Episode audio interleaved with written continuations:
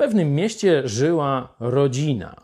Była to akurat rodzina królewska, gdzieś dawno temu na Bliskim Wschodzie, ale nie ma to większego znaczenia kto, gdzie i kiedy. Król chciał się pochwalić swoją żoną przed swoimi dworzanami, dostojnikami. Żona stwierdziła, że albo się źle czuje, albo ma swoją godność i nie będzie wychodziła na polecenie króla. No, królowi było głupio, ale zebrali się też i dworzanie i radzą, co z tym zrobić. Nie tylko przeciw samemu królowi wykroczyła królowa Waszti. To czytam fragment księgi Estery z pierwszego e, rozdziału, akurat z Biblii Tysiąclecia. Nie tylko przeciwko samemu królowi zgrzeszyła królowa Waszti, lecz także przeciw wszystkim książętom i wszystkim narodom, które zamieszkują państwa króla Aswerusa.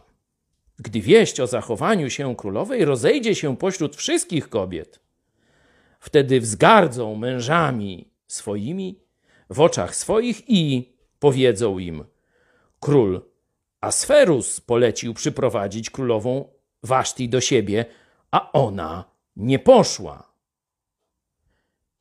Zobaczcie, jedno nieposłuszeństwo żony, a ludzie tamtych czasów widzieli, że ten zły wzór rozleje się po całym królestwie i wszystkie żony zaczną się buntować. Zobaczcie, wtedy nie było telewizji, wtedy nie było fejsika.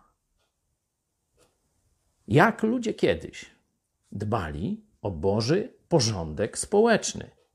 O to, żeby ludzie nawzajem się szanowali, żeby szanowali swoje role, hierarchie społeczne i tak.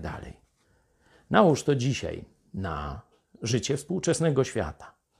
Zapewne już nie odwrócimy tego upadku, ale możesz być wzorem w swoim domu, w swojej rodzinie, w swoim kościele, czy dla swoich znajomych i sąsiadów.